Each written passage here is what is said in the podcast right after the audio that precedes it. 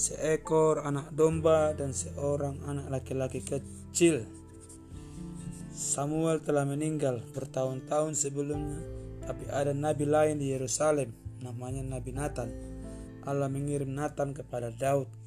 Nathan menceritakan sebuah kisah kepada Daud, katanya, adalah dua orang di sebuah kota, yang satu orang kaya, yang satu orang miskin.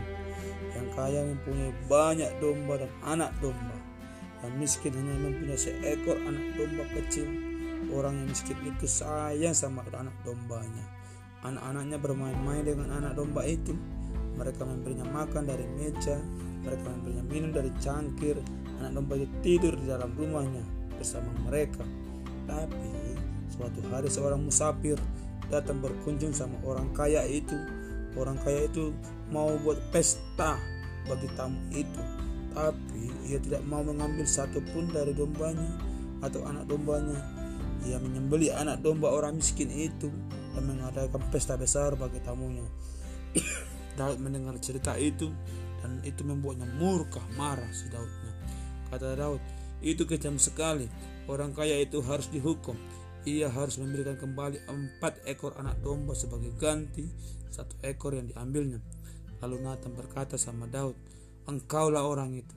Nathan melanjutkan, engkau memiliki kekayaan, engkau punya beberapa orang istri, engkau punya anak-anak, namun engkau mengambil Bathsheba, engkau merampasnya dari Uria, engkau membuat Uria terbunuh, engkau sama seperti orang kaya yang mencuri anak domba orang miskin itu.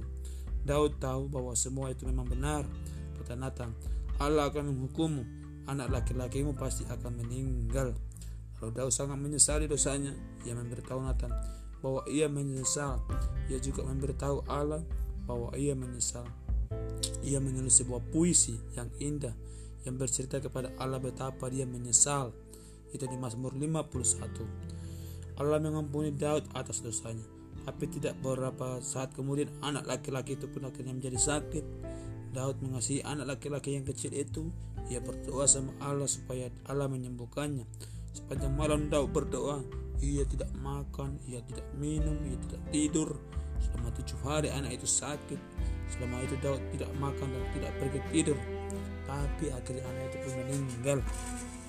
Lalu Daud memberi mandi. Ya, kemudian dia berpakaian, ia pergi ke kamar suci untuk menyembah Allah. Ketika ia pulang, ia meminta sesuatu untuk dimakan. Hamba-hambanya berkata, Uh, alangkah anehnya Ketika anak itu sakit, Raja Daud tidak mau makan. Sekarang anaknya sudah meninggal dan dia mau makan. Daud berkata kepada mereka, ketika anak itu masih hidup, aku berdoa, aku berpikir mungkin Allah akan menyembuhkannya. Tapi sekarang anak itu sudah pergi, aku akan menjumpainya ketika aku meninggal, tapi ia tidak akan kembali kepadaku. Daud tahu bahwa Allah telah mengangkat anak itu ke surga. Setelah berapa lama, Bathsheba pun melahirkan seorang bayi laki-laki yang lain. Mereka menamainya Salomo. Amin.